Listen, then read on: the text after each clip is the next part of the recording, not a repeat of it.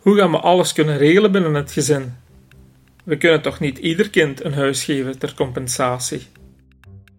Ik zou toch ook niet graag hebben dat bedrijf dat al zo lang in de familie zit, door mij ten onder gaat. Ik zet wel enorm in hoe dat de verdeling gaat lopen met mijn zussen.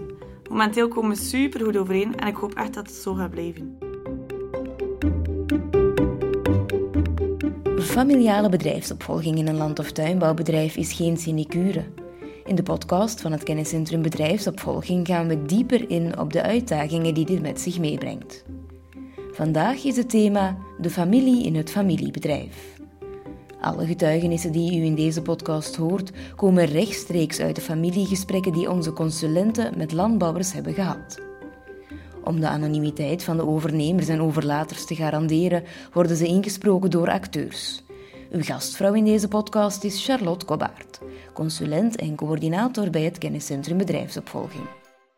De meeste land- en tuinbouwbedrijven zijn familiebedrijven, die vaak ook al generaties ver in de familie zitten. Dat zorgt ermee voor dat er heel wat emoties verbonden zijn aan die plaats. Niet enkel bij de overlater, die er vaak opgegroeid is, en de overnemer, maar ook voor de niet-overnemende broers en zussen. Ze hebben niet altijd interesse in de boerenstil, maar die gebondenheid met bedrijf en de sfeer die er hangt, die is er wel. Onderschat die emotie en trots niet van het boerenzoon-boerendochter zijn. De broers en zussen beseffen dus wel degelijk het belang van een goede overname en willen daar vaak ook in tegemoet komen. Hoe betrek je die broers en zussen in het proces? Voor mij is het vooral belangrijk dat zij weten wat er gaande is. Is de beslissing genomen dat de potentiële overnemer in het bedrijf stapt als zelfstandig helper? Of zullen er eerste stappen gezet worden in de verkenning rond de overname? Zorg dat ze op de hoogte zijn van de stappen. Wie gaan jullie betrekken bij die overname? Als de waardering gebeurd is, hoe is die tot stand gekomen? En als de overname rond is, wat is er ongeveer afgesproken qua arbeid, afspraken en wat is er precies overgenomen? Als er geheimzinnig gedaan wordt over zo'n zaken, kan het gevoel ontstaan dat er niet eerlijk gedeeld geweest is, terwijl dat helemaal niet de bedoeling is. Wees dus gewoon open naar de andere kinderen. Mijn broer en zus zitten wel wat in met de overname. Ze horen ook bij ons aan tafel en op de baan dat de prijzen niet altijd goed zijn in de sector. En nu met het hele verhaal rond de omgevingsvergunning zit ze ook wel in met de mate waarin ik als jonge landbouwer nog de mogelijkheden ga hebben om verder over te nemen en het bedrijf op een goede manier te doen. Ze zitten wel met mij in en ook wel wat met het bedrijf, denk ik. Ik zou toch ook niet graag hebben dat het bedrijf dat al zo lang in de familie zit, door mij ten onder gaat. Dat zorgt wel voor wat extra druk, zowel bij mezelf als bij de rest van de familie. Ik zet wel enorm in hoe dat de verdeling gaat lopen met mijn zussen. Momenteel komen we super goed overeen en ik hoop echt dat het zo gaat blijven. Dus ja, hoe lang moeten zij de tijd krijgen om te kunnen beslissen of dat ze al dan niet in een bedrijf willen stappen? En als ze dat dan definitief weten, wanneer en hoe gaan we dan de verdeling doen? Want zij willen ook een huis kopen ooit en mijn ene zus droomt er zelf van om haar eigen kinepraktijk op te starten later. Dus waarschijnlijk verwachten ze ook wel hulp van mijn ouders. Maar ik hoop dan wel dat ze begrijpen dat ik de grond zal nodig hebben voor het bedrijf. Voor een geslaagde bedrijfsoverdracht is het belangrijk om gestructureerd te werk te gaan, vertelt Jackie Svenne, productmanager landbouw bij SPB. De overname zelf, de eerste fase, is een momentopname. Op dat moment wordt uh, meestal maar een deel, bijvoorbeeld 50% van de bedrijfsbekleding of de aandelen overgenomen. Maar dan komt er een fase 2, er komt ook nog de overname van bedrijfsgebouwen, van de bedrijfsgronden, een hele boterham meestal. En daar moet een planning, een stappenplan ingestoken worden. Maar wij hebben graag dat het de ouders zelf doen. Wij maken ter ondersteuning dikwijls een een, een, overzicht van alle onroerende goederen die er zijn, met bijvoorbeeld een waardering. Maar wie dat uh, gaat betalen, wanneer dat gaat betalen, hoe dat verdeeld wordt onder de kinderen, daar moeten de ouders zelf bij zijn. Voor ons is het heel belangrijk dat we gelijk kunnen delen tussen alle kinderen. In de praktijk is dat moeilijk, omdat we natuurlijk veel meer op de boerderij helpen dan dat we kunnen helpen op het werk of het huishouden van de andere kinderen. Ik probeer wel zoveel mogelijk te babysitten voor de anderen, maar toch blijf je altijd dat onevenwicht hebben. Ook daarom willen we zeker dat het qua verdeling van eigendom echt gelijk is. Hoe gaan we alles kunnen regelen binnen het gezin? We kunnen toch niet ieder kind een huis geven ter compensatie? En gaat iedereen dan content zijn? Gans ons leven hebben we hier gewerkt. Het is nog van mijn ouders geweest. En soms heb ik het gevoel dat de kinderen dat als vanzelfsprekend zien. Ze zijn al volop bezig plannen te maken. wat er allemaal veranderd moet worden. Soms doet dat pijn, alsof wat wij gedaan hebben niet goed genoeg is. Soms mis ik toch wat die bevestiging van: Pa, je hebt dat goed gedaan, of merci dat jullie dit voor ons mogelijk maken. Maar ja, zullen we toch wel denken, zeker? Caroline Tak is expert agro bij KBC. Ze geeft fiscaal en juridisch advies voor agrarische ondernemers. Als jonge ouders is het eigenlijk vroeg om te gaan nadenken over de volgende generatiestap. Want ja, onze kinderen die zijn nog uh, eigenlijk jonge twintigers en wij nog maar vijftigers en, en gaan ook nog een deel in ons leven weg moeten kunnen. En dus ja, moeten we toch eens nadenken over het totaalplaatje. Ja, gaan we dan al dan niet voor die schenking familiale onderneming of gaan we schuiven met familiaal patrimonium? Het is een puzzel die we moeten leggen waarbij we een evenwicht moeten zoeken. Aan de ene kant gelijkberechtiging tussen de andere kinderen, dat is ook belangrijk, want dat is familiale vrede. Aan de andere kant zekerheid voor de opvolger, dat hij toch voldoende met zijn bedrijf van slag zal kunnen. En dan ook nog aan onszelf wat denken van ja, wij moeten ook nog een tijdje op deze bol rondlopen. En vandaar ja, is dat een heel moeilijke evenwichtsoefening. Doordat de grondprijzen de laatste jaren enorm gestegen zijn, ja, is er die ongerustheid. Gaat dat allemaal wel lukken? Ehm, gelukkig is er ook nog wel zoiets als een, als een toolbox waarin we kunnen gaan zoeken achter verschillende handvaten om te schuiven met patrimonium. Een van de tools is eigenlijk nieuw en dat is de erfovereenkomst. Die bestaat nog maar sinds september 2018 en is gecreëerd in het nieuwe erfrecht. Voordien waren erfovereenkomsten eigenlijk verboden. En wat is nu een erfovereenkomst? Dat is, je gaat met je familie naar de notaris en je gaat gaan nadenken over uw toekomstige nalatenschap. U doet dat met uw verschillende kinderen en gaat gaan zoeken achter een goed evenwicht. Maar dat kan ook het terechtzetten zijn van een bepaalde situatie, een, een dure studie, of een extra zorg gaan geven aan een zorgkind. Een van de leuke dingen aan die erfovereenkomst is ook dat je bepaalde waardes kunt gaan vastklikken een dure landbouwgrond gaan vastklikken en alle kinderen daar een akkoord uh, rond met alle kinderen daar een akkoord rond bekomen, is zeker een troef van die erfovereenkomst. Je hoort direct dat het eigenlijk geen gemakkelijk verhaal is en dat daar wel ja, wat studiewerk en wat denkwerk rond nodig is. U moet dan ook naar de notaris gaan. Dat duurt wel een maand nadien om dat ook dan te gaan tekenen. Dus u ziet wel, uh, niet op 1, 2, 3 geklaard, maar zeker de moeite om in, in overweging te nemen. Bij SBB maken we in het kader van een patrimoniumoverdracht uh, dankbaar gebruik van een vrij nieuwe tool, zijnde uh, schenking familiale onderneming. Uh, de voorwaarden om, de, om daaraan te kunnen meedoen zijn vrij eenvoudig. De overlater die moet nog een leven zijn, die moet een ondernemingsnummer hebben en de goederen die hem schenkt, bijvoorbeeld de gronden, die moet hij in eigen uitbating hebben. hij kan die goederen dan schenken aan zijn kinderen, eh, tegelijkertijd of aan één van de kinderen, eh, naar keuze. Hij kan dat voor eh, een stukje van zijn grond doen, voor zijn volledige grond. Daar is maximale vrijheid. Daar kan behoud van vruchtgebruik ingesteld worden.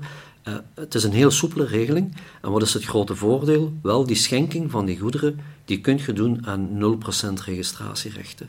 Als je dat afzet tegen dat je niets doet, wel, niets doen uh, vroeg of laat gaat uitmonden in een erfenis, in een sterfgeval met een erfenis.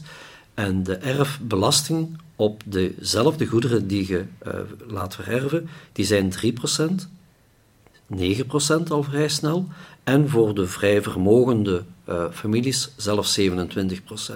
Zeker bedrijven met veel eigendommen in grond komen heel vaak tot die maximale tarief van 27%. En dat is natuurlijk jammer dat je je planning niet op tijd gestart bent om in plaats van die 27% 0% schenkbelasting te betalen.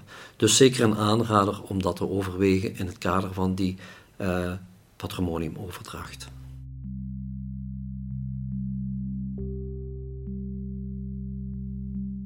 Samenleven en werken op het familiebedrijf betekent ook gewoon veel samen zijn. Voldoende afstand inplannen is van belang om een gezonde relatie te blijven onderhouden. Ik heb zelf geen al te goede herinneringen aan mijn overname van mijn ouders. Daarom dat we het nu beter willen doen. Dat was echt de tijd waarin je als kind moest luisteren naar je ouders en waarin we eigenlijk gewoon deden wat er verwacht werd. Nu zijn de tijden helemaal anders en zeggen de jonge gasten wat wij moeten doen. We hebben altijd samen gewoond met mijn ouders op het bedrijf, met een tweede bedrijfswoning. Voor ons was dat niet altijd aangenaam. We hebben vaak het gevoel gehad dat we gecontroleerd werden. Als het licht op de binnenkoer te laat aanschoot, volgens hen, s ochtends in de winter, dan wisten ze ons daarop aan te spreken. Nu nog steeds heeft moeder iedereen gezien die passeerde op het bedrijf. Zo willen wij het niet doen. We zijn aan het zien om dan ook plaats te maken voor het jonge koppel en wat verderop te gaan wonen. We willen ons niet te veel bemoeien met hun gezin, zij zijn de baas.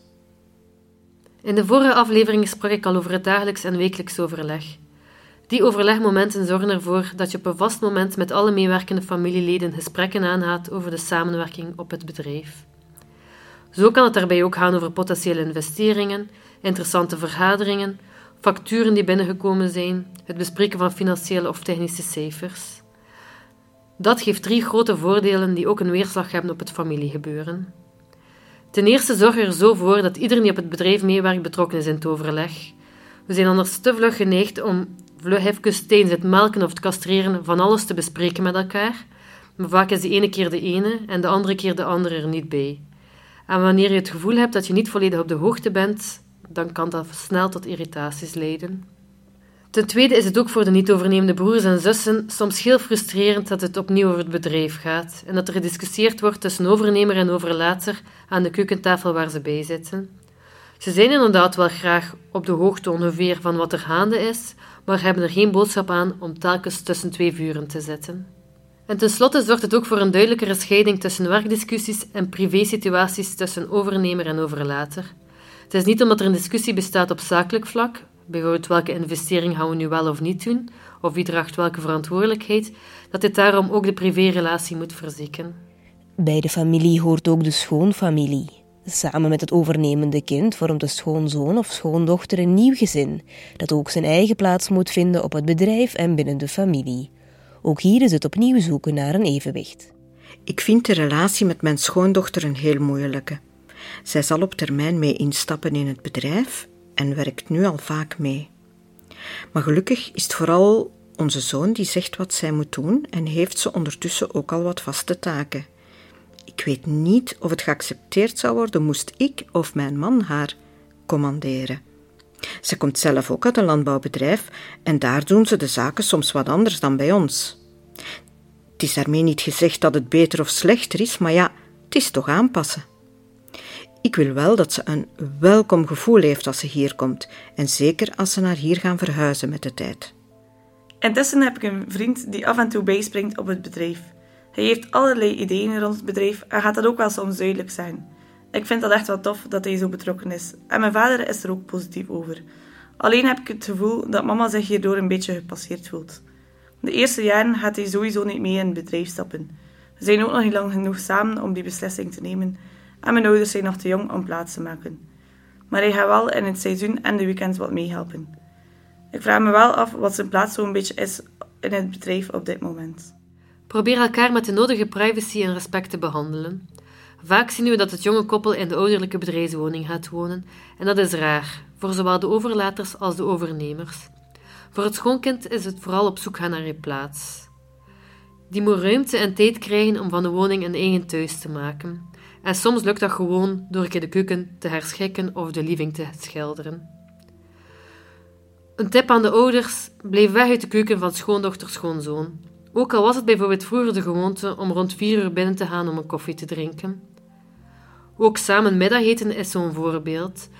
Af en toe kan het wel een keer gebeuren natuurlijk, maar maak er geen regel van. Zet zo weinig mogelijk druk op het jonge koppel. Veel ouders hebben die scheiding werk-privé gemist toen zij jong waren. Trek dus lessen uit het verleden. Mijn partner werkt niet mee in het bedrijf. En dat is normaal gezien ook niet de bedoeling. Soms is het wel moeilijk om een goed evenwicht te vinden rond ons sociaal leven. Als verpleegster ziet mijn vrouw ook wel hoe het anders kan. Je hebt je jaarlijks aantal dagen verlof, zodat je wel eens twee weken op reis kunt gaan. Bij ons zal dat niet zomaar gaan. Ik besef wel dat dit voor een stuk een toegeving is van haar kant. Besef mijn ouders dat ook? Ze heeft schrik dat ze denken dat ze lui is, omdat ze zou durven een serie kijken of mijn vriendinnen is gaan shoppen in Antwerpen. Maar ik vind dat juist goed dat ze dat doet. En ik denk dat mijn ouders dat ook wel vinden. Bovendien, als het echt druk is op bedrijf en het past met haar werk, zal ze met plezier bijspringen. Het moet gewoon niet structureel zijn. Ze wil niet onmisbaar zijn op bedrijf.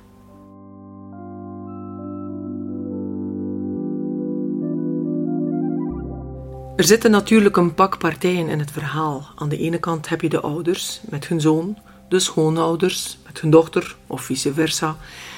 En eigenlijk al die partijen ja, die, die krijgen heel veel informatie en die, die leren ook heel veel uit elkaar. Men, krijgt inzicht in de cijfers van de ander en men moet daar toch met de nodige respect uh, mee omgaan. Ik zou durven zeggen, ja, de fluwelen handzoen. Want uh, stel je eens in de schoenen van de ouders of van de schoonouders, ja, dan besef je onmiddellijk hoeveel informatie je over jezelf blootgeeft. En blootgeven maakt je natuurlijk extra kwetsbaar. Denkt u aan bedrijfsopvolging en zou u graag een gesprek aangaan? Neem dan contact op met het Kenniscentrum Bedrijfsopvolging van Boerenbond via www.kenniscentrumbedrijfsopvolging.be. Dit was aflevering 3 van de podcast van het Kenniscentrum Bedrijfsopvolging. Deze podcast werd gemaakt door Charlotte Cobbaert, Mattie Veulemans en Liesbeth Korthout. Muziek Podington Bear. We bedanken graag Astrid de Nijre, Ingrid Rosseels, Mark van Dikkelen en Neel Antonissen voor hun medewerking.